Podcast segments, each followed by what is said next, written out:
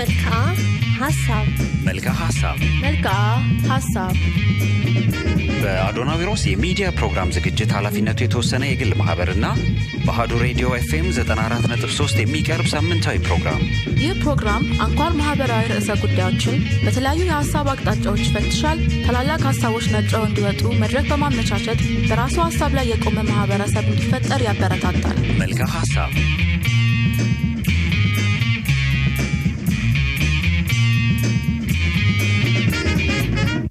ሰላም ለእናንተ ይሁን ውድ የአዱ ቤተሰቦች እንደምን ከረማችሁ። በሳምንት አንድ ጊዜ ማክሰኞ ምሽት ከሶስት ሰዓት እስከ አራት ሰዓት ድረስ በቀጥታ ስርጭት የሚቀርበው የመልክዓ ሀሳብ ፕሮግራም እነሆ ተጀምሯል።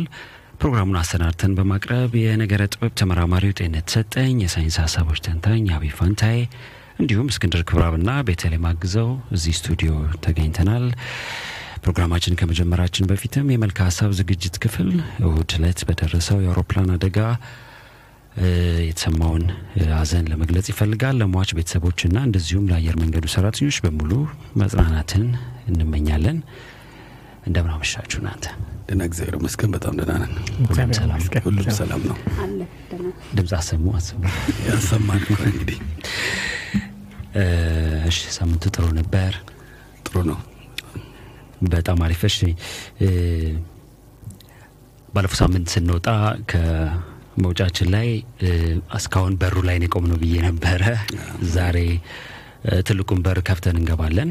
ስለዚህ ትንሽ የመንደርደሪያ ሀሳቦች ወደ ኋላ መለስ ብዬ ማንሳት አስፈላጊ ሆኖ ይሰማኛል።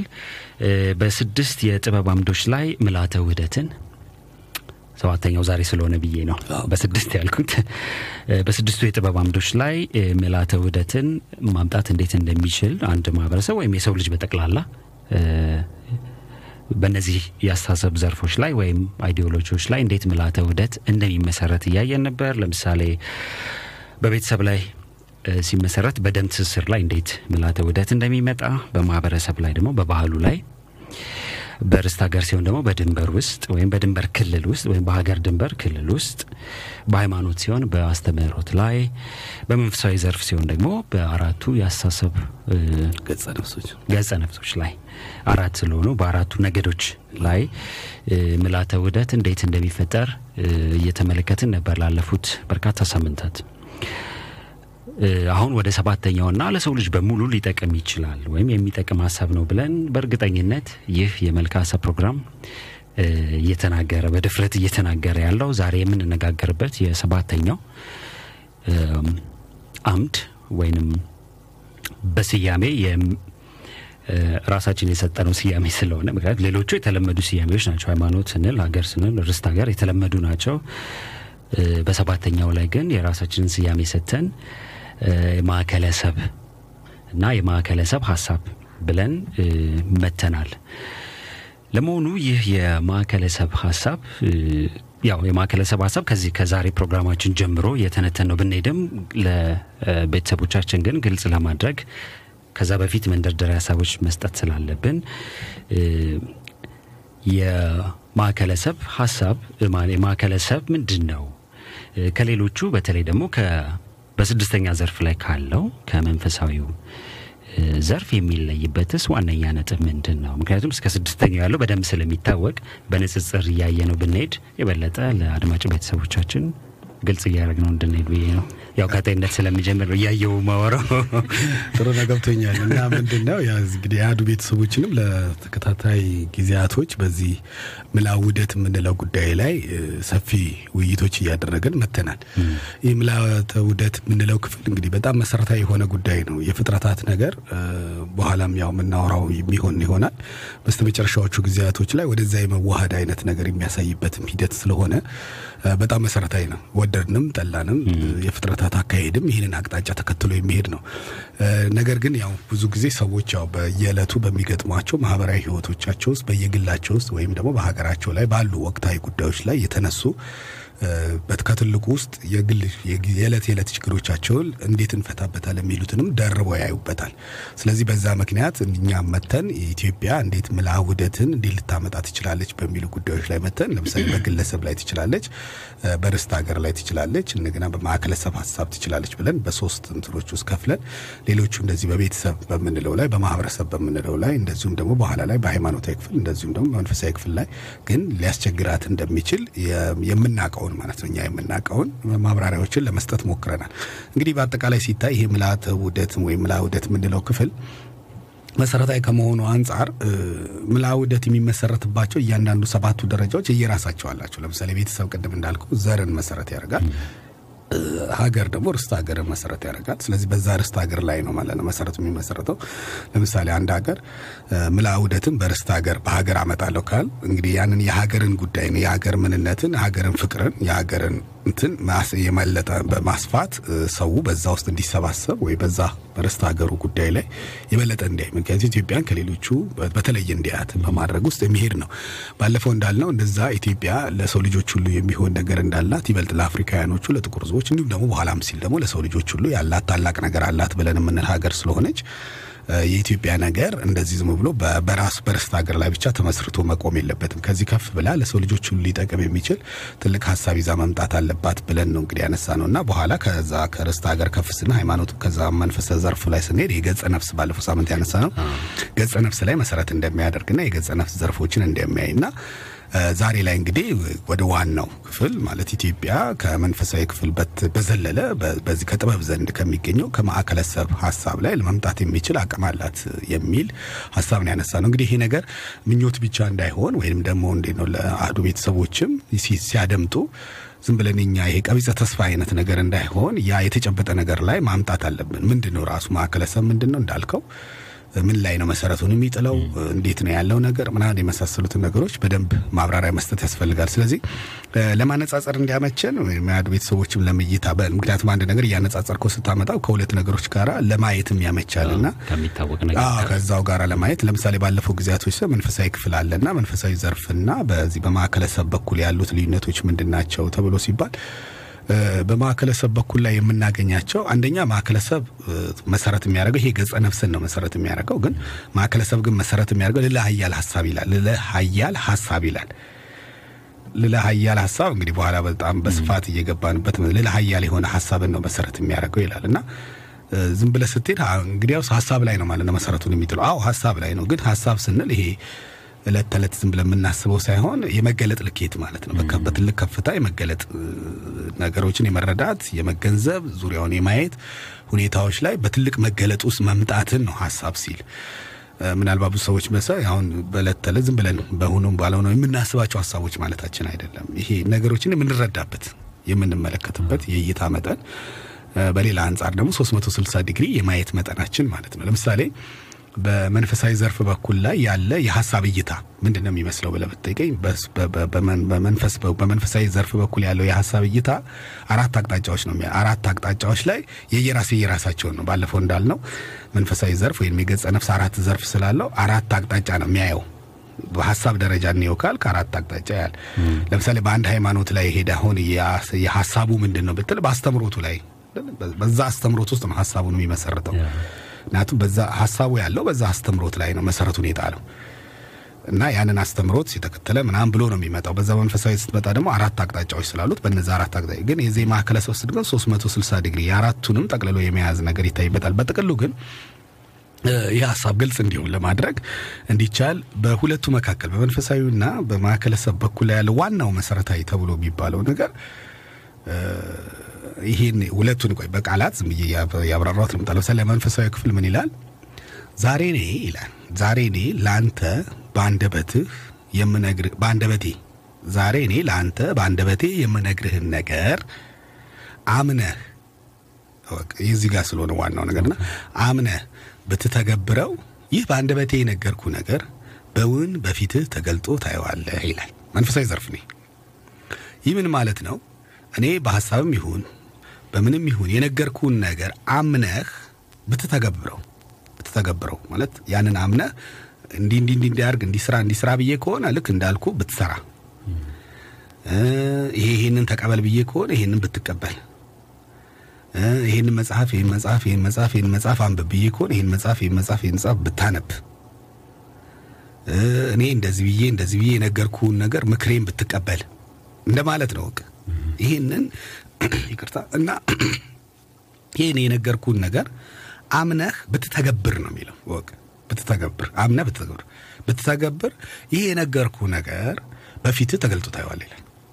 ማለት ያ ያልኩ ነገር እውነት ይሆንልህ አንተ እውነት ይሆንልሃል ማለት ተገልጦ ታየዋለህ፣ ታደርስበታለህ፣ ታገኘዋለህ ነው የሚለው። ስለዚህ ይሄ ስለሆነ በመንፈሳዊ ዘርፍ በኩል ላይ እንዳልኩ ገጸ ነፍስ ላይ ሰው ውህደት ለማምጣት የተለያዩ መንገዶች ይሰጣሉ። አሁን ትምህርቶቹን ብትለው ምንም ብትል በተለያየ መንገድ ላይ ያንን ለማምጣት ሙከራ ይደረጋል። የማዕከለ ሰብ ላይ ስትመጣ ግን ከዚህ ደግሞ ለየት ይላል። እሱ ደግሞ የሚያፍሰር እኔ ይላል ይሄኛው ደግሞ እኔ ዛሬ በአንደበቴ የነገርኩህን ነገር በእውነት ቢገባህ በእውነት ይላል። ይሄ በእውነት ነው የሚመጣው። በእውነት ቢገባህ እኔ በአንደበቴ የነገርኩህ ነገር በፊት ተገልጦ ሳይወል ይላል። ይሄ ደግሞ ሁለተኛ እንደዚህ ነው። በእውነት ቢገባህ የሚል ቃል ያመጣበታል። ይሄኛው ምን ማለት ነው? በሁለቱ መካከል ይሄኛው በመተግበር ውስጥ ሲሆን፣ ይሄኛው ግን በእውነት ውስጥ ነው ያለው። በሁለቱ መካከል ይሄኛው በእምነት ውስጥ ሲሆን፣ ይሄኛው በእውነት ውስጥ ነው ያለው። በሁለቱ መካከል ልዩነት አለ። ስለዚህ በቀላል ቋንቋ ያሉ ቤተሰቦችም ግልጽ እንዲሆንላችሁ ለእናንተም ለማድረግ ያክል ሁለቱን ሰዎች ብለቃቸው ለምሳሌ ምላ ውህደት ለማምጣት ሁለቱን ሰዎች ብለቃቸው በመንፈሳዊ ዘርፍ ያለው ሰው ምላ ውህደት ለማምጣት ሰውን ሁሉ በእሱ ጥላ ስር ለማሰለፍ ሕግ ያወጣል። በሕግ ከሆነ ሕግ ያወጣል። እምነት ከሆነ ይህንን አምነን ዝም ብለን እንቀበል ይላል። ወይ ስርዓትም ካለ የሆነ ስርዓት ያደርጋል። ማሰልጠንም ካለበት ያሰለጥናል። በዛ ውስጥ አድርጎ ነው ያ ምላ ውህደትን የሚያመጣው የሚያመጣው ገብተዋል። ይሄኛው ይሄኛው ግን የማዕከለ ሰብ ግን ምላ ውህደት ቤተሰብ በአንደበቱ ተናግሮ ነው የሚያመጣው በአንደበቱ ተናግሮ ማለት ምንድን ነው? እሱ ተግባራዊውን ነገር አይፈልገውም። ብዙም እንዲያርግ እንዲያርግ እንዲያርግ አይልህም። እንዲህ ሁን ሲልህ ትሆናለህ እንደማለት እኮ ነው። ተራራው ተነስ እና እዛ ጋ ሂድ ሲለው ተነስቶ ይሄዳል እንደማለት ነው። ወቅ ዝም ብሎ ቀጥታ በአንደበቱ ነው የሚነግረው። አልጋህን ተሸክመ ሂድ ሲል አልጋውን ተሸክሞ መሄድ ነው። ሌላ ዝርዝር ነገር የለም። እና ይሄንን አርግ፣ ይሄን አርግ፣ ይሄን አርግ፣ ይሄን አርግ፣ ከዛ ይሄን ይሄን ይሄን ካረክ በኋላ አልጋህን ተሸክመ ትሄዳለህ አይደለም። በቃ ዝም ብለህ አልጋህን ተሸክመ ሂድ ነው። በቃ ሂድ ይላል፣ ትሄዳለህ። በቃ ዛፉን ናና ነቅል ተከተለኝ ካልክ ትከተላለህ። በቃ ይሄንን ይሄንን ይሄንን ይሄንን አድርጌ ዛፉ ይከተለኛል አይደለም። በቃ ና ካልኩ ይከተልሃል አይነት በአንደበቱ ተናግሮ ነው ወቅ ስለዚህ ማዕከለ እሳቤ በጣም ኃይለኛ ነው እና ጠንካራም ነው። በዛ ልዕለ ኃያል በሆነ እሳቤ አንድ ሰው ከመጣ ከባድ ነው። ምክንያቱም ለምንድን ነው ከአንደበቶቹ የሚወጡት ነገሮች ከአንደበቱ የሚመጣው ነገር መገለጥን ያመጣል። ገባ? አሁን ለህዝቡ ማስተማር አይፈልግም። ላስተምር ይችላል። በአንደበቱ ከበስተጀርባ በኩል የሚነገረው ነገር ህዝቡ በዛ መስመር ራሱ ይመጣል። ወይም ሁሉም ወየቤቱ ሲወጣ ያን ነገር ፊቱ ተገልጦ ያየዋል ማለት ነው። ገብተዋል አማርኛ ለምሳሌ አሁን እዚህ ቤት ውስጥ በዚህ አሁን በዚህ በእኛ ፕሮግራሞች ላይ በብዛት ብዙ የምናወራቸው ጉዳዮች እናነሳለን። እነዚህን ጉዳዮች ስናወራ በዚህኛው በማዕከለ ሰብ እሳቤ ስለሆነ በብዛት እያወራን ያለ ነው። አንዳንዱ ጉዳዮች ዝም ብለህ ስትወጣ እኛ ያነሳናቸውን ሀሳቦች ሌሎች ሰዎችም ዝም ብሎ በተለያየ አቅጣጫ ሲያነሱ ትሰማለህ። ያ ያነሱበት መንገድ እኛ ያንን ነገር ነግረናቸው ሳይሆን ወይም እኛን አድምጠውን ሳይሆን ያ ነገር ወደ መገለጥ ይመጣል፣ ራሱ ይመጣል። ስለዚህ ይሄ እሳቤ በዚህ ነው ልዕለ ኃያል የሆነ ሀሳብ የመምጣት ኃያል የሆነ ሀሳብ ወደ ላይ ከፍታ የመምጣት ጉዳይ የሚያመለክት ነው። ኢትዮጵያ ይህንን የሚያክል ታላቅ ሀብት በእጇ ይዛ የምትገኝ ሀገር ነች ይላል። ለዚህ ነው የሚፈሯት፣ ሌላ ጉዳይ አይደለም። ገብተዋል። ይሄ ከበድ ያለ ጉዳይ ነው። ምክንያቱም በሌሎቹ ከሆነ ፕሮሰሶች፣ ሂደቶች አሉበት፣ ሂደት አለ ውስጡ፣ ሌላ ውጣ ውረድ አለው፣ ምናምን አለው። ይሄ በአንደበቱ ቢናገር ያመጣብሃል እንትኑ ማምጣት ይችላል። ይሄ በጣም እንግዲህ ይሄ ምንድን ነው የሚያመለክተው? እዛ ውስጥ የሚገኘው ልዕለ ኃያል የሆነው ሀሳብ የሚለው ለዛ ነው። ልዕለ ኃያል ማለት እሱ ነው። ልዕለ ኃያል ሀሳብ ስለሆነ ሁሉ ለዛ ሀሳብ ይገዛለታል። ለእሱ ሀሳብ ተገዢው ነው ማለት ነው። ይሁን ሲል ይሆናል፣ አይሁን ሲል አይሆንም እንደ ማለት አይነት ሀሳቤ ነው ያለበት።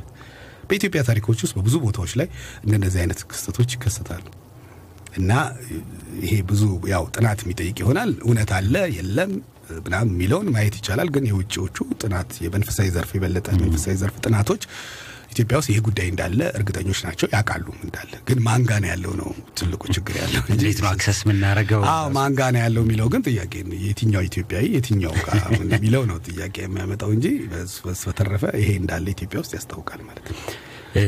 ጥሩ ይህንን ሀሳብ ይህን ሌላ ሀያል የሆነውን ሀሳብ ከጊዜ ጋር እያቀናጀን ማውራት ይኖርብናል። ምክንያቱም ከዚህ በፊት ስለ ጊዜ አንስተን በጣም ረጅም ፕሮግራም ሰርተንበታል። በዚሁ አጋጣሚ ያመለጣቸው ሰዎችም ካሉ ከዩቲዩብ ላይ ሊያዳምጡት ይችላሉ። እንደገና ከዛ አሁን ምን እያለን እንደሆነ እንዲገባቸው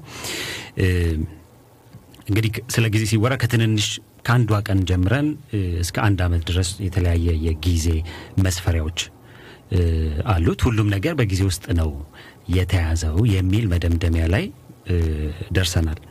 ለመሆኑ ይህ ሌላ ሀያል የሆነ ሀሳብ በዚህ ጊዜ ውስጥ የተያዘ ነው ወይ? ከተያዘስ በየትኛው የጊዜ መስፈሪያ ውስጥ ነው ያለው?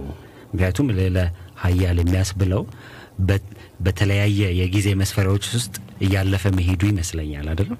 ከእሱ ጋር እያገናኘ ነው ስናወራ የበለጠ ግልጽ አዎ ምንድን ነው እንደውም ጥሩ ሀሳብ ነው ያመጣው። ምንድን ነው አንዱ ትልቁ ነገር ይሄ ምላውደት የምንለው ጉዳይ፣ በነገራችን ላይ ምላውደት የምንለው ጉዳይ በአብዛኛው እሳቤው ራሱ እሳቤው ራሱ የፍጥረታትን ከየት ተነስተው ወዴት ይሄዳሉ የሚለውን ራሱ የሚናገርበት ዘርፍ ነው። የሚገርመው እና ፍጥረታት ይመስለናል እንጂ ለእኛ በረጅም ርቀት ውስጥ ምላውደት እየፈጠርን ነው የምንሄደው። በስተመጨረሻ ላይ ወደ አንድ መጠቅለል አይነት ነገር ውስጥ እንደምንመጣ ነው የሚያሳየው። ራሱ የፍጥረታት አካሄድ ይህንን አካሄድ ነው የሚከተለው። ለምሳሌ ዝም ብዬ በቀላል ቋንቋ ብነግር ቀን አለ። ያ አንድ ቀን ዛሬ ለምሳሌ ዛሬ ማክሰኞ ነው።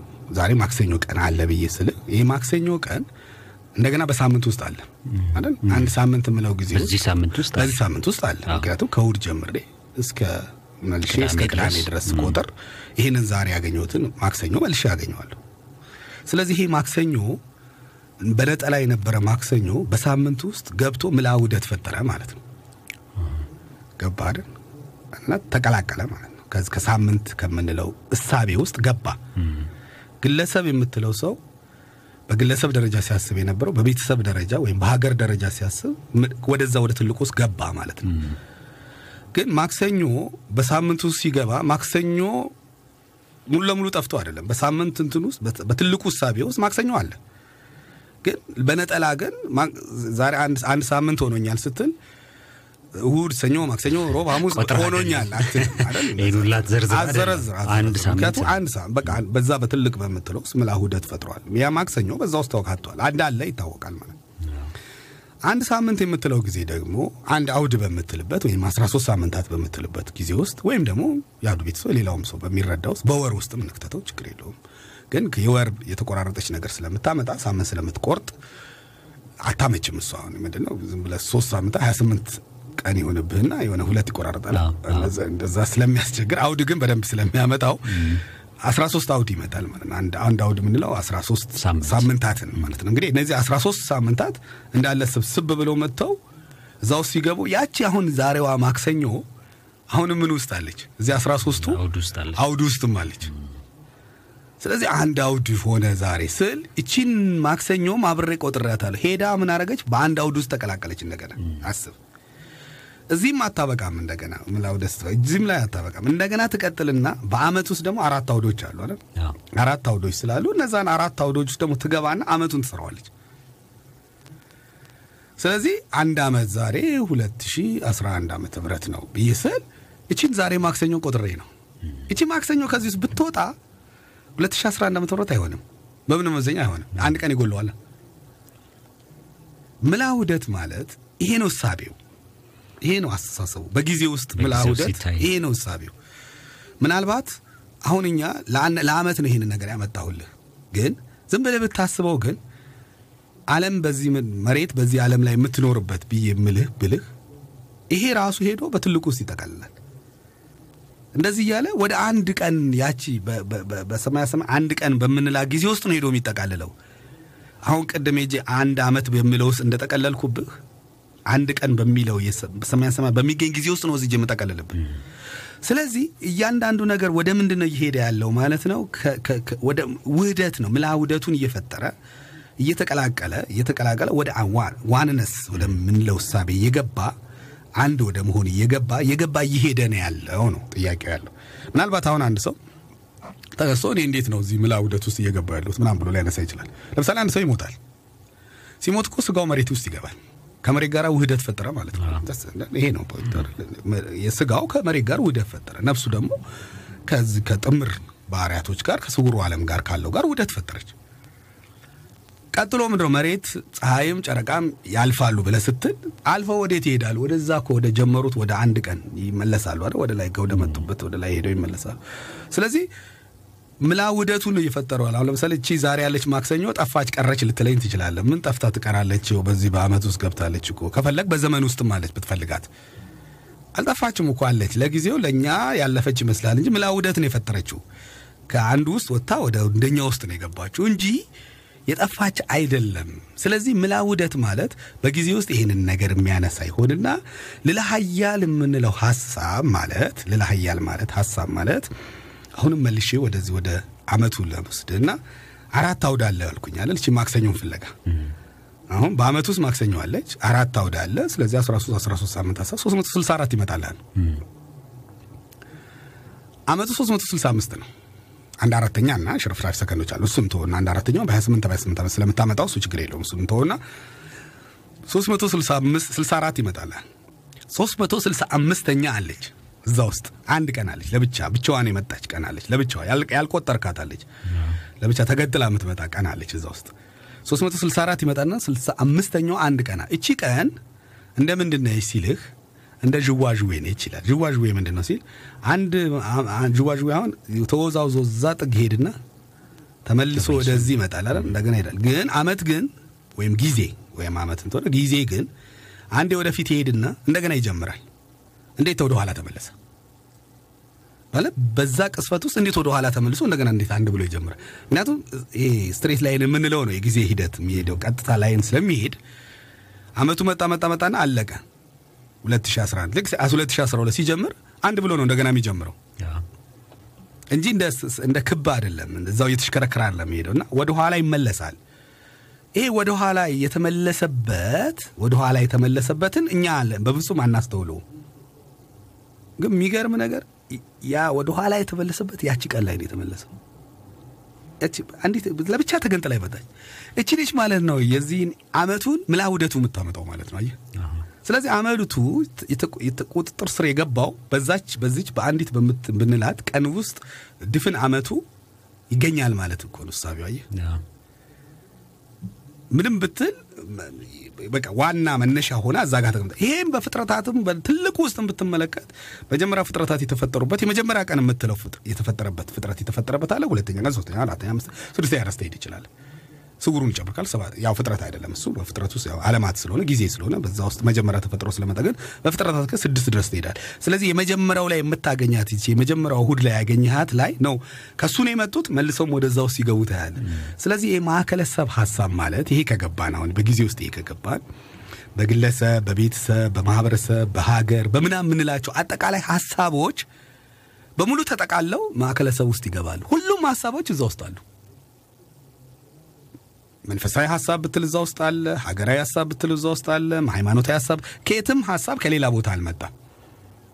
ያ ሁሉ በዛው ምክንያቱም እንትኑን የሚያመጣው እሱ ስለሆነ ለምሳሌ ምን ማለት ፈልገን ነው ሰውየውን አካላቶቹን ለየብቻ ለየብቻ ብናስቀምጠው አይኑን፣ እጁን፣ እግሩን ምኑን ብናስቀምጠው እና እነዚህ ቀስ በቀስ ምልአ ውህደት ፈጥረው ሰው ሆኖ ቢመጣ የሰው አካል የምትለው ውስጥ ሁሉም ነገሮች እዛ ሰውየ ውስጥ አሉ። ግን ለየብቻቸው ተነጣጥለው ግን አይደለም። ምን ሰርተው ነው ምልአ ውህደት ሰርተው ገብቷል።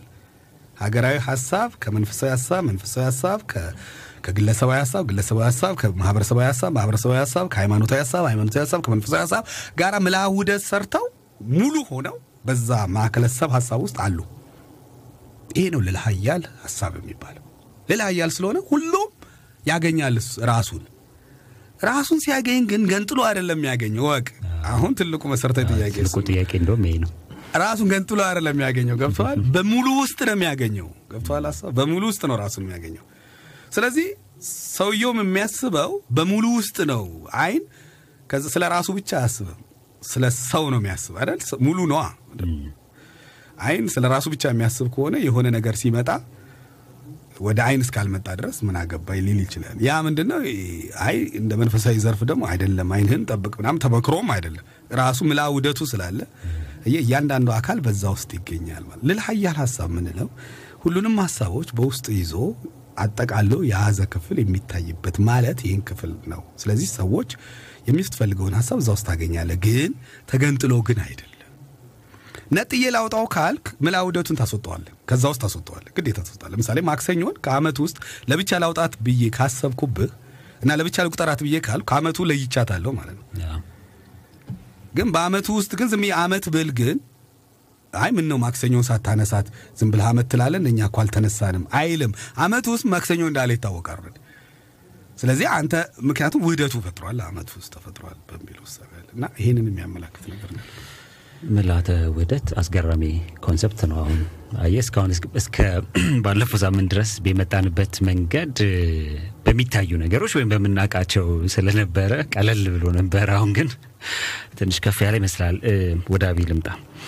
እ፣ በሳይንሱም ዓለም ይሄ የ time ና space ጉዳይ ላይ እንደዚህ መጨረሻ ላይ ይሄ singularity concept የሚሉት አንድ አንድ ነጥብ ላይ መድረስ ነገር አለ። እና አሁን ጤንነት ስታወራ ምናልባት ሳይንስም በተወሰነ መንገድ ሳያወራ አይቀርም። እንዳንተ ባይሆንም አዎ ከ- አሁን በጊዜ አይነት ባየኸው ነገር ሲመጣ እ፣ ዓለም ወይም ይህ የምናየው ዩኒቨርስ ነው ብሎ እንግዲህ አንድ ዓለም አለ ብሎ ነው ሳይንሱ የሚያውቀው። እና ዩኒቨርስ የጀመረበት አንድ በጣም ጠጣሪ የሆነች አንድ ቦታ ነገር ነበረች ሁሉ ነገር የተነሳባት ብሎ ይወስደዋል እና ከዛ ነው ወይም ይሄ ቢግ ባንግ ከሚባለው ነው የመጣው የሚለው ሀሳቤ ብዙ ጊዜ ተነስቶ ይሄዳልና ሁሉ ነገር ከዛ ከዛ ነው ተነስቶ የሄደው የሚል አይነት እሳቤ አለው። ስለዚህ አሁን የምናያቸው ነገሮች ለምሳሌ ኃይል እንበል ቁስ አካል እንበል ብንል ምን ብንለው ሁሉንም በጊዜ ወደ ኋላ እየሄድን ብንሄድ እዛች ነጥብ ላይ ሲደርሱ ሁሉም አንድ ነገርና አንድ አይነት ይሆናሉ የሚለው አይነት እሳቤ አለ በሳይንስም ውስጥ። ነገር ግን ምን አይነት እንትን የሚላለው ያንን እዛ ነጥብ ጋር ስንደርስ ያንን መግለጽ አንችልም። በሳይንሱ መገለጽ አይችልም። ወይም የ- ምንድን ነው ሲንጉላሪቲ ነው የሚል አይነት በሂሳብም ቀመር ሊገለጽ አይችልም። በሌላም ነገር ልን- ልንገልጸው አንችልም የሚለው አይነት እሳቤ እዛ ላይ አለ እና እንደውም አሁን ይሄ oneness የሚሉትን እሳቤዎች ለማስረዳት ሲሞከር ብዙ ጊዜ በዚህኛው እሳቤ አሁን እዚህ ጋር ያሉት ከብዙ element የተሰሩ ነገሮች ሲጀምሩ መጀመሪያ ላይ ከነበረው መጀመሪያ ከተነሳው ነገር ነው ይሉና አሁን ያለነው ነገር እኮ የተገኘ ነው እንግዲህ 13.7 ቢሊዮን ዓመት ነው።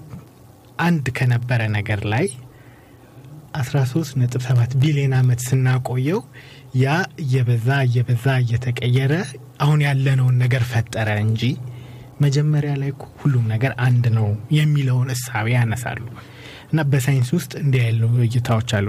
ነገር ግን አሁን ትንሽ አንተ ስታነሳው ያንን ነጥብ ላይ ያለን ነገር የበለጠ የማብራራት ነገር በዚህኛው ውስጥ ይታይበታል። ያ የተለየ እይታ ነው።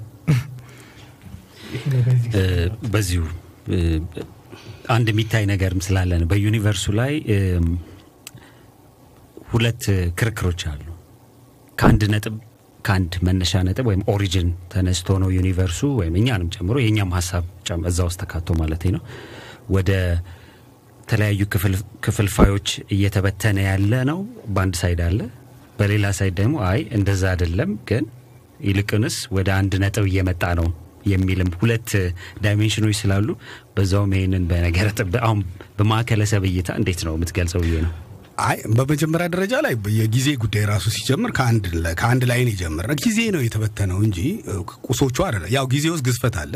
ጊዜ ጊዜ ስለሱ ግዝፈት ግዝፈት ጊዜው ሲበተን ግዝፈቱም ይበተናል አብሮት። ጊዜው ሲበተን ኃይሉም አብሮት ይበተናል። ያው ምንድን ነው የሚያሳየው ጊዜ ስንል ሁለት ሶስቱም ሶስት three dimension ስላለው ጊዜ ግዝፈት ኃይል ብለን ሶስት ስለምናመጣ ጊዜው አንድ ወጥ ነበር እና ያ አንድ ወጥ ያለው ጊዜ ሲበተን ትንንሽ ትንንሽ ጊዜዎችን ይፈጥራል አይደል? ትንንሽ ጊዜዎችን ይፈጥራል እና ከሆነ ቦታ ጀምረው የሆነ ቦታ የሚያበቁ ከሆነ ቦታ ጀምረው የሆነ ቦታ የሚያበቁ ስለዚህ ልክ በዛ በተመሳሳይ ሁኔታ ከሆነ ቦታ ጀምረው ከሆነ ቦታ የሚያበቁ ግዝፈት ያላቸው ፍጥረታት ይመጣሉ ማለት ነው።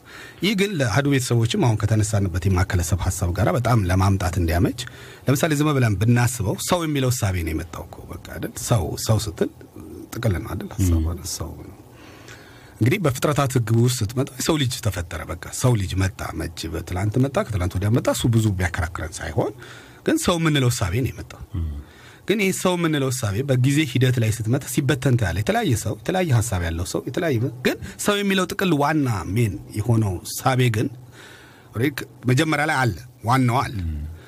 ግን በዛ በዋናው እሳቤ ውስጥ ከዛ በኋላ ሰው የምትለው ለምሳሌ አንድ ሰው ነው የተፈጠረው ብለህ ብትል አዳም ነው የመጣው። ለምሳሌ ዝም በሃይማኖታዊ አስተምሮት ውስጥ እንግባም ብለህ ብትል አዳም ግን በማህበር ነው የመጣው ሰው ልጅ ግን መጀመሪያ ሲመጣ ግን እንዲህ ዝም ብሎ በአንድ ሰው እናምጣው ብለን ካል ግን አንድ በሆነው መጣ እንበልና አንድ ሰው መጣ። ከዛ በኋላ እሱ ተበተነ ሲበተን የተለያየ የሚወልዶቸው ልጆች እነዚህ ቤተሰብ ከዛ ማህበረሰብ ፈጠረ። ከዛ በኋላ ቤተሰብ መሰረተ። ከዛ ማህበረሰብ ፈጠረ። ከዛ ሀገር መሰረተ። ከዛ ሃይማኖት መሰረተ። ከዛ መንፈሳዊ ክፍል በጎራ በጎራ ተለያየ። አሁን የምንለውን አለማስገኘ ብለን እናስብ። ዝም ብለህ ግን በይሄንን እሳቤ ብታመጣው ዋናው ማሰሪያው የሚሆነው ነገር የተነሳበት ቦታ ያው ሰው ነው። ያው እሱ ነው የተበተነው ማለት ነው። ስለዚህ ይሄ የተበተነ ነገር መልሶ ሰው ወደሚለው ይሰበሰባል ስንል ይሄ ሰው የምንለው ነገር እየፈረሰ አይደለም። አሁን አሁን ማዕከለ የሚያነሳልህ እሱ ነው። አየህ አንተም መንፈሳዊውንም ዘርፍ አሰብከው፣ ሃይማኖታዊ ክፍል አሰብከው፣ በማህበረሰብም በብሔር ጉዳይ በምንም አሰብከው፣ በቤተሰብህም አሰብከው፣ ያው ሰው ነው ያሰበው አይደል? ሌላ ማን? ስለዚህ ምንም የተለያየ ቢሆን ቢመስልህ ገብቷል። በዛው ሰው በምንለው እሳቤ ውስጥ ነው ያለው። ሰው ነው ያስበው እንጂ ሌላ ፍጥረት አላስበው። መንፈሳዊ የሚያስበው በሃይማኖትም የሆነ ሃይማኖት ያዝ የሆነም ሀገር የሚኑረው ምንም ይኑረው ያው ሰው ነው። ስለዚህ አየ አሁን ይሄ ምላውደት ይፈጥራል ስለ እነዛ በራሱ ሃይማኖታዊ ክፍል ያሰበውንም ይዞ ያንንም ይዞ በዛ በትልቁ ውስጥ በአንድ ባልነው በዚህ በአንዱ ዋነስ በምንለው ምላውደት በሚፈጥረው ሰው በምንለው እንትን ውስጥ ያርፋል። ይሄ ሰው የምንለው ደግሞ መጀመሪያ የጀመረ የጊዜ መጠን ነው። አሁን ላነሳው ለዛ ወደዛ አሁን መለስ ይችላለሁ። ወደዛ በወስድ ጊዜ አንድ ቦታ ላይ ጀመረ፣ ከዛ ወዲያ ተበተነ፣ ግዝፈቱም ተበተነ። ከዛ ወዲያ ተመልሶ ይሰበሰባል ሲባል ምሳሌ እየጠፋ ማለት አይደለም። ያው ምንድነው በራሱ ውህደት እየፈጠረ ውህደት እየፈጠረ one ይሄ ዩኒቨርሱን ይፈጥረዋል። ስለዚህ ይሄ የምታየው ዩኒቨርስ ጨረቃው ምናምን ምናምን የምትለው ነገር የጠፋ ሊመስልህ ይችላል። ልክ እንደ ማክሰኞዋ ቀን ማክሰኞዋ ዛሬ ቀን ነገ ላይ ብንመጣ የጠፋች ነው ሁላችንም ይመስለን፣ ግን አልጠፋችም። በሳምንት ውስጥ አለች እሷ ከሌለ ከጠፋችማ already ሳምንቱን አቆጥረውም እኮ በአመት ውስጥም አለች እንዴ ከጠፋችማ አመቱ እንዴት ትቆጥረዋለህ? እሷ ከጎደለች እኮ አመት አይሞላም። ለእኛ ግን የጠፋች ይመስለናል፣ ግን አልጠፋችም ነው point ኡ። ገብቶሃል ሀሳቤ? ስለዚህ እነኚህ ነገሮች መጥተው ነው ይሄ oneness ማለት እሱ ነው። ዩኒቨርሱን create ያደርጉታል በኋላ ላይ ስ ዩኒቨርሱን ልክ እንደ አንድ ሰው ወክ የሚያደርግ የተለያየ ክሬት ያደርጋል። ስለዚህ የፍጥረታት ነገር ይሄ ነው ሂደቱ ይሄ ነው ወደ ምላ ውደት ወደ መፍጠር ነው የሚመጣው እየሄደ ያለው ወደዛ ነው ባይን እየሆነ እየተቀላቀለ ግን ለእኛ እንዳልኩ ነው የቀናት የምናምን ማክሰኞ የጠፋች እየመሰለ ወደ ዝርዝሩ ሲገባ ሲገባ የጠፋ ነው ይመስል እና አመት ምናምን ስትል እንደ እኛም ማክሰኞን ሳጠራት ነው እንደ ምናምን ምናምን ይላል አንዱ። እኔ የተወለድኩበትን ማክሰኞ ያው አመት ካልኩ እኮ ማክሰኞ አለ ማለት ነው። ምክንያቱም ማክሰኞን ትቼ እኔ አመት ማለት አልችልም። ስለዚህ አንተ ለምሳሌ ሰው ብዬ ስለ አይንህን ትቼ ወይ ጆሮህን ትቼ ወይ አፍንጫህን ትቼ እስክንድር ማለት አልችልም አይደል? ምልአተ ውህደቴ ነው መጠራኝ ሙሉ የምላ ውህደቴ ነው። ስለዚህ ማዕከለ ሰብ ሀሳብ አየህ ልላ ሀያል ሀሳብ ምናምን የምንለው በሀሳብ ደረጃ እንደነዚህ አይነት ነገሮች ናቸው ያሉት። ሁሉንም ይጠቀልላቸዋል። ለዚህ ነው እውነት ነው የተባለው። በእውነት የሚልህ ለዛ ነው። በእውነት ማለት አሁን ለምሳሌ አንተ እጅህን ብድግ አድርገህ እዛ ጋር ለማድረግ ምን ያቅታል? በቃል ተነግረህ እኮ ታደርገዋል። በቃል ሚንስ በልቦና ለማለት በአንደበት አውጥተህ ለውጭ ነው አይደል? ለውስጥህ ግን አንድ ሀሳብ ያው አይምሮ ውስጥ አይደል ሲሰራ አይደል የሆነ ቃል ማንሳት ስትፈልግ በቃ ፈለግከው ታነሰዋለህ። በቃ ምንም ይታዛል ማለት ለዛ ነው ቅድም ያልኩ በቃሉ ተናግሮ ይህኛውን ብድግ አድርጎ እዛ ጋር ያደርገዋል። ለምን ያ እኮ የእሱ አካል ነው። ገባህ? የራሱ ነው ስፓርት እንደ አንድ እጁ እንደ አንድ እጁ ነው እኮ ማለት ለዚህ ነው እኮ የሚታዘለት እንጂ እሱ ኃይለኛ ስለሆነ ሌሎቹ ስለሚ ሳይሆን ፓርት ኦፍ የዛ አካል እኮ ነው። የዛ ክፍሉ ነው ያለው። ስለዚህ አሁን የሆነ ነገር ለማንሳት ብትፈልግ፣ የሆነ ነገር ለማስቀመጥ ብትፈልግ፣ የሆነ ነገር ወደዛ ለመውሰድ ብትፈልግ ተማክረህ አይደለም ገና አይደል አይምሮ ራሱ ይሰራል። በቃ ስለሚሰራ የደብድግ ታደርገዋል። ይህ ማለት ምንድነው? አሁን ለዚህኛው ስናወራው በቃ ሁን ሲለው ይሆናል። ተነስና አልጋን ሂደ ተነስቶ ይዞ ይሄዳል። በቃ ሌላ ምን ያደርጋል? that's part of የመታዘዝ ልክ እንደ አንድ oneness እንትኑ ስላለ ማለት ነው። oneness ኡ ስላለ every ምንኛውም ፍጥረታት ይገዙልሃል። ማንኛውም ነገር በስር control ማድረግ ትችላለህ። በዚህ level በዚህ ደረጃ ላይ የሰው ልጅ የመድረስ አቅም አለው። ማዕከለ ሰብእ የሚባሉት እሳቤዎች በዚህ ደረጃ ላይ የሰው ልጅ ሊመጣ የሚችልባቸው መሰረታዊ የሆኑ ነገሮች አሉት ይልና ሁለት መሰረታዊ ጉዳዮች ያነሳል። ያው በዛው ሰዓት ያለኝ ይመስለኛል። በዛው መቀጠል ችግር የለምና ሁለት መሰረታዊ ጉዳዮች ያነሳል። እነዚህ ምንድን ናቸው? መንፈሳዊ ዘርፍ በአብዛኛው ከሚመጣባቸው ትልቁ መሰረታዊ ጉዳዮች ውስጥ ይሄ ውጫዊ መገለጥ የምንለው እሳቤ አለበት። የማዕከለ ሰብ ይሄ እንትን ውስጣዊ መገለጥ አለበት። ለምሳሌ አሁን ያልኩህን ሀሳብ ላንሳል። እስክንድር እዚያ አጠገቤ ያለውን እስክርቢቶ አንሳውና ላብይ ስጠው ብዬ ብል ይሄ ውጫዊ መገለጥ ነው። ስለዚህ አንተም የነገርኩህን ነገር ትቀበልና እስክርቢቶን አንስተ ላብይ ትሰጠዋለን። እስክርቢቶን ከዚያ አንስተ ላብይ ስጠው የሚለውን ማን የነገረ? እኔ ነኝ የነገርኩ። እኔ ነው ያለሁት ለአንተ ከውጭ ነው ያለሁት። ውጫዊ መገለጥ ማለት ይሄ ነው። ውስጣዊ መገለጥስ አንተ ራስህ አብይ እስክርቢቶ እንደሚያስፈልገው አንስተ መስጠት ነዋ። ማንም የነገረ የለም። it's inside በአንተ ውስጥ ነው ያለው ጉዳዩ።? ልዕለ ኃያል ሀሳብ የሚባለው በራሱ ውስጥ ነው ያለው፣ በአንተ ውስጥ ነው፣ በሀገሩ ውስጥ ነው፣ በዩኒቨርሱ ውስጥ ነው ያለው። ገባ? ከዛ ውስጥ ባለ ነው የምታወጣው እንጂ ከውጪ የሚመጣ ውስጥ አይደለም። መንፈሳዊ ዘርፍ ግን ከውጪ የሚመጣ ይፈልጋል። ለምን? አንተ እስክርቢቶን ከዚያ አንስተ ለአብይ መሰጠት እንደሚገባው አላወቅም። ስላላወቅ ግዴታ ሌላ የሚነግርህ አካል ትፈልጋለህ። በውስጣዊ መገለጽ ስትመጣ ግን በራስህ ስለሆነ የምትመጣው አንተ ራስህ ለአብይ እስክርቢቶ እንደሚያስፈልገው ስለምታውቅ ራስህ አንስተህ ትሰጠዋለህ። ገባህ? ስለዚህ በሁለቱ መካከል ያለው ይሄ ነው። አሁን ዓለም በአብዛኛው ከበታች ያሉትን ይበልጥ መንፈሳዊ ዘርፍ፣ ሃይማኖታዊ ዘርፍ ምናምን ብትመለከት በአብዛኛው ከውጭ ነው የሚነገርህ፣ ከውጭ ነው የሚሰጥ።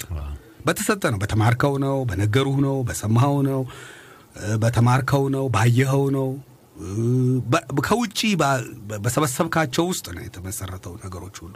በዚህ ውስጥ ይህንን እንትኑን ልታ ምላውደት ምክንያቱም አንተ ውስጥ ነው ያለው፣ ኢንሳይድ አንተ ውስጥ ነው ያለው። ምክንያቱም የምላውደት በአንተ ውስጥ ነው ያለው። ለምንድን ነው ማክሰኞ በአመቱ ውስጥ ነች ያለችው። ስለዚህ አመቱ በራሱ ውስጥ ሲያገኝ ሲገባ ነው ማክሰኞን የሚያገኛት እንጂ ከደጅ አይደለም። ከደጅ ካገኛት የአመቱ አካል አይደለች፣ ትወጣበታለች። ገባ ሀሳቤ እና ስለዚህ ልክ እንደዛ የውጫዊ መገለጥ ውስጣዊ መገለጥ የሚሉትም እሳቤዎች አብረው መጡ ነው። ጥያቄዎች ቃላቸው አሁንም ወደ ቅድም ወደ አነሳው ጋር ይሄ በእምነትና በእውነት መካከል ያለው ያለው መሰረታዊ ልዩነትም ያለ መሰለኝ አሁን ሳየው።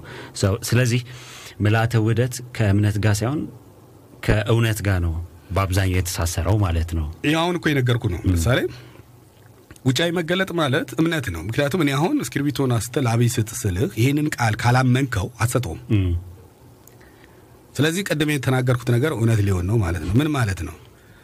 እኔ ዛሬ በአንደበቴ ለአንተ የነገርኩህን ነገር አምነህ ብትተገብረው የነገርኩህ ነገርን በፊት ተገልጦ ታየዋለህ። ምን ማለት ነው? እኔ እስክርቢቶን አንስተህ ለአብይ ስጠው ምለውን ቃል አምነህ ካላመንክ አትሰጠውም። አምነህ ለአብይ ብትሰጠው ለአብይ መስጠትን እውን በፊትህ ተገልጦ ታየዋለህ። ያው ታየዋለህ፣ በቃ ስትሰጠው ታየዋለህ። ለአብይ እስክርቢቶ ወይም አብይ እስክርቢቶ ይዞ ታየዋለህ ማለት ነው ቋንቋ ገብቶሃል ሀሳቡ። ያኛው ግን እውነት ከገባ ሲል በራሱ ውስጥ ነው የተመለከተው። ገብቶሃል። በእውነት ከገባ ለአብይ እስክርቢቶ እንደሚያስፈልገው በእውነት ከገባ አንተ ከገባ ሌላ ውጫዊ አካል አይደለም የነገረ አንተ ራስህ በእውነት እንደሚያስፈልገው ከገባ ይህ ከገባ አንተ ራስህ ለአብይ ትሰጠዋለህ። በፊት ተገልጦ ታየዋለህ። ለአብይ እስክርቢቶን ይዞ ታየዋለህ። ሁለቱ ልዩነቶቻቸው ይሄ ድጋሜ ይህን ጥያቄ የጠየቅኩበት ምክንያት ላይ መሰለ የእምነት ጉዳይ ወይም የማወቅ ጉዳይ ከውጭ እንዳል ከውጭ በሚመጣ source ወይንም ምንጭ ላይ depend የሚያደርግ ነገር ስለሆነ ግለሰቡ ወይም እኔ ማለት ነው በእኔ ፈቃደኝነት ላይ የተመሰረተ አይሆንም ወይ ብዬ ነው እምቢ ልልህም እችላለሁ። እኮ ለዚህ ካመንክ እኮ የሚለው አምነህ ስለዚህ የ source ኡ ጉዳይ አይደለም ማለት አዎ እሱ እኮ ይነግርሃል። ይዘላል። አዎ ምንድን ነው እኔ አሁን ሲነግርህ ለሁለተኛው ሰው አምነህ ብትተገብረው ነው የሚል አምነህ ብትተገብረው ሲል እኔን የነገርኩህን ነገር መቀበል አይደለም። መቀበልና ማመን ልዩነት አላቸው ራሳቸው መሀል ላይ። መቀበል ሲሆን ለአብይ መስጠት እኮ እስክርቢቶ ይገባል እያልክ ታወራለህ እንጂ አሰጠውም ይሄ መቀበል ነው። ሀሳቡ ጋር መስማማት። እኔ ከነገርኩ ሀሳብ ጋር መስማማት ነ ይሄ ብዙ ሰው እምነት ይህንን አድርጎ ይወስደዋል። በአንደበቱ ስለተናገረው ያመነ ይመስለዋል። ማመን እንደዛ አይደለም። ማመን ሂደት ነው ሂደት ነው። ውስጡ የሚታየው ልክ ለአብይ እስክሪብቶን ስትሰጠው የሚታየው ሂደት ነው። እምነት እንዳመንክ የሚታወቀው ያ ሂደትህን አይቼ ነው የማረጋግጠው እንጂ በአንደበትህ ስለነገርከኝ አይደለም። ማለት ልክ ነህ፣ እውነትህን እኮ ለአብይ እሱ እኮ እስክሪብቶ አጥቷል፣ ለሱማ እስክሪብቶ መስጠት ያስፈልጋል ምናምን ብትለኝ ይሄ ልክ ነው ከኔ ጋር መስማማትህ ነው። ግን አልተገበርከው። እስካልተገበርከው ድረስ አመንክ አይባልም። ስለዚህ ለዛ ነው አምነህ ሲል ያንን ነገር ውስጥ ሲገባ ነው ልክ ከዛ ጋር ትዋሃዳለህ። ልክ ስታምነው ወደ እውነቱ ትገባለህ ማለቱ ነው። ወደ እውነቱ ትገባለትና ከዛ ታነሳና ትሰጣለህ። ግን ጥያቄ ያለው ግን ያ የመጀመሪያው ጉዳይ የመጣው በአንተ ውስጥ አይደለም፣ ከሌላ ከውጭ ሶርስ ነው የመጣው፣ ከሌላ አካል ነው የመጣው። ግን ሁለት እሳቢዎች ናቸው አሁን ያለት። እንግዲህ ቅድም ወደ ጊዜ ልመለስ እንደገና ይህንን ሀሳብ ራሱ ሁለት ጊዜዎች አሉ እንበልና አንዱ ጊዜ አንዱ አንዱ ጊዜ ለአብይ እስክሪብቶ መስጠት እንደሚያስፈልግ የሚያሳይ አንድ ጊዜ መስመር አለ እንበል። አንተ ደግሞ በሌላ የጊዜ መስመር ውስጥ ነው ያለው አሁን ያለው። ስለዚህ እዛ የአብይ ለአብይ እስክሪብቶ እንደሚያስፈልገው ያለው የጊዜ መስመር ውስጥ ስላልሆንክ ያለው በዛ ዓለም ውስጥ ስላልሆንክ ማለት ነው። እዚሁ ተቀምጠ፣ ግን በዛ ዓለም ላይ ስላልሆንክ ለአብይ እስክሪብቶ እንደሚያስፈልገው አላወቅም። ያላወቅከው ለምንድን ነው? በዛ የጊዜ ልኬት ውስጥ አይደለም አንተ ያለው መገለጥ ማለት እሱ እኮ ነው። ሌላ ምንም አዲስ ነገር የለው። በዛ የጊዜ ልኬት ውስጥ መግባት ነው። በቃ ሌላ ነገር ያ አልተገለጠልም። አጠገብህ እስክሪብቶ አቶ እየተቸገረ እያየህ ያ አልገባህም። እንደ ውይ አላወቅኩም እኮ ባቅ ኖሮማ ሰጥህ ነበር ልትላ ያ እንደምን አልገባህም። ያ አልገባህ ያ እስክሪብቶ እንደሚያስፈልገው ያ የመገለጡ ልኬት ያንን የምታይበት ዳይሜንሽን የምታይበት እይታ ወይም ያ የምትረዳበት እይታ አንተ በዛ time frame ውስጥ አይደለህም ያለው። ስለዚህ በታችኛው time frame ስላለ እኔ ደግሞ የእሱን አይቼ ነው እንግዲህ አሁን ለአንተ ምነግርህ ምንድን ነው የምለው ለአብይ እስክሪብቶን አንስተ ስጠው ስልህ ልክ አምነህ ስትተገብረው ቀጥታ እዛኛው time frame ውስጥ ትገባለህ ነው። ይሄኛው ግን ምንድን ነው በዛው time frame ውስጥ ሆነ በዛው time frame ውስጥ ሆነ ስለሆነ የምትረዳው በተመሳሳይ level ላይ ስለሆንክ ነጋሪ አያስፈልግም። already አንተ ራስህ አብይ እስክሪብቶ እንደሚያስፈልገው ታውቃለህ። ስለምታውቅ ራስህ ታደርገዋለህ። እንዲህ ከሆነ እንግዲህ አንድ ነገር የሚነሳው ከአንደኛው ስፍራ ነው ብዬ ካልኩ በጊዜ ውስጥ ከሆነ ቦታ ነው ጊዜ ጀምሮ እየተበተነ የሚሄደው ብዬ ካልኩ በዛ ውስጥ ሆነ ነው ማለት ነው። ማዕከለ ሰብ ላይ ስትሆን ነገሮች የምታየው ማለት ነው። ገባህ? ማን ምን እንደሚያስፈልገው ታውቃለህ ማለት ነው። አየህ፣ ማን ምን እንደሚያስፈልገው ምን እንደጎደለው ምኑ ጋር ክፍተት እንዳለ ብለህ ለምሳሌ አንተ በዛ ምልአ ውህደቱ ስላለ ነው ለአይንህ ምን እንደሚያስፈልገው አፍንጫህ የሆነ ነገር ሲሆን ምን እንደሚያስፈልገው ጆሮ ምን እንደሚያስፈልገው የምታውቀው በዛ ውስጥ ምልአ ውህደቱ ስላለ ሁሉ እያንዳንዱ ምን እንደሚያስፈልገው ታውቃለህ። ቢርብህ ምን እንደሚያስፈልግ ቢጠማህ ምን እንደሚያስፈልግ ታውቃለህ። ስለዚህ በእነዚህ ሂደቶችን ልታውቅ የቻልከው በዛ በዛ time frame ኦች ስላለ። ስለዚህ ማዕከለ ሰብ የምንለው እሳቤ በዚህ በሌላ ሀያል የሆነ ሀሳብ ላይ ይቀመጣል ሲባል በዚህ የታይም ፍሬሞች ውስጥ ይቀመጣል እንደማለት ነው ማለት ስለዚህ ጊዜን ግልጽ ለማድረግ ያህል ከቤተሰቦቻችን ሳይዶኜ ነው አሁን የምጠይቅ እሺ እሺ ደስ ይለኛል። ችግር የለውም ያ ታላቁ የጊዜ ልኬት የምንለው የትኛው ነው? ታላቁ የጊዜ ልኬት ተብሎ የሚባለው ምንድነው? ይሄ አስተምሮት ያው ሃይማኖታዊ ክፍልን በተወሰነ ድረስ ያሳያል። በሰማይ ሰማያት አንድ ቀን በምድር አንድ ሺህ ዓመት ይልና ያው የትችን የመሬቷን ብቻ ነው የሚቆጥራት ግን በሰማይ ሰማያት አንድ ቀን በምድር አንድ ሺህ ዓመት ሰባት ሺህ ዓመትና አንድ ዓመት ሚል ልዩነት ሶስት ናቸው ጊዜ የሚመጡት ጊዜ በአብዛኛው ሶስት ዳይሜንሽን ያሳያል እዚህ እዚህኛ በምንኖርበት ሁኔታ ላይ ይህ ምን ማለት ነው? ለምሳሌ የዚህ ቅድሙን አልጋህን ተሸክመህ ብዙ ሰው ያ ክርስቲያኒቲ እንትን ውስጥ ያለ ሰው በብዛት ስለሚሆን ለእሱንም ማንሳት ይቻላል። እና እንግዲህ ታሞ አልጋው ላይ ተኝቷል። ይሄ አሁን ያለበት ነው።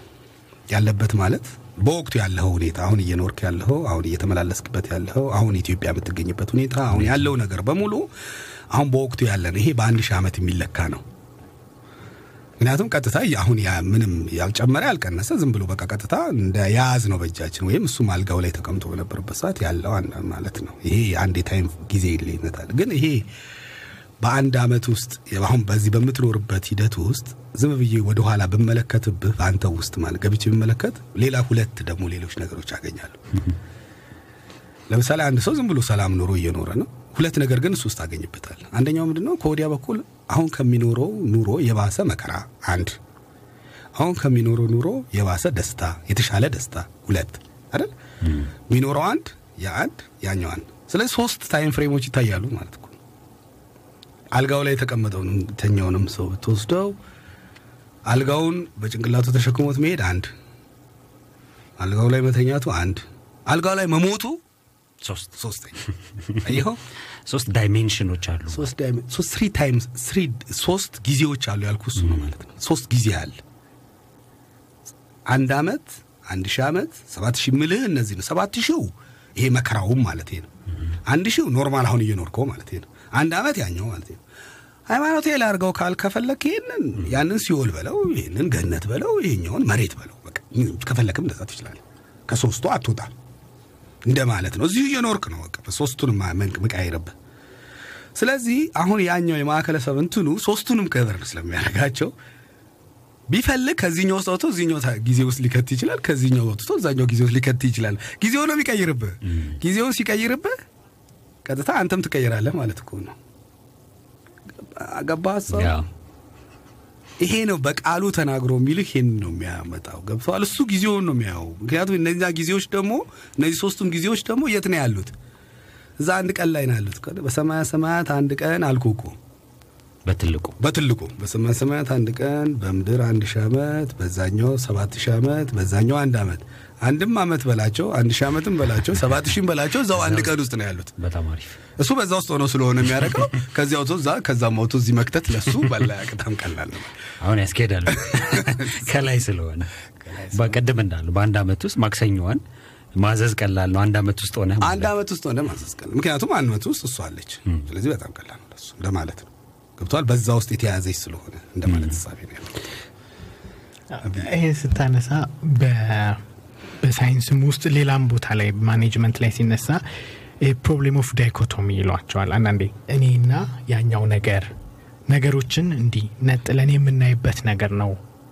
ብዙዎቹን ችግሮች ያመጡብን የሚለው እሳቤ ሲመጣ አሁን አንተ ስትል ምንድን ነው የኔ የኔ boundary ወይም የኔ መለያ የቱ ጋ ነው የሚለው? እኔ እስከ universe ኡን በሙሉ በእኔ አካል ውስጥ አርጌ ሳየው ነው ይመስለኛል ይሄ ነገር የሚመጣው። እና አሁን ሰው ግን ያለው በራሱ በአካሉ ወይም በቅርቡ ባለው ወይም በውስጡ ያለውን ነገር ነው ይዞ የሚሄደው።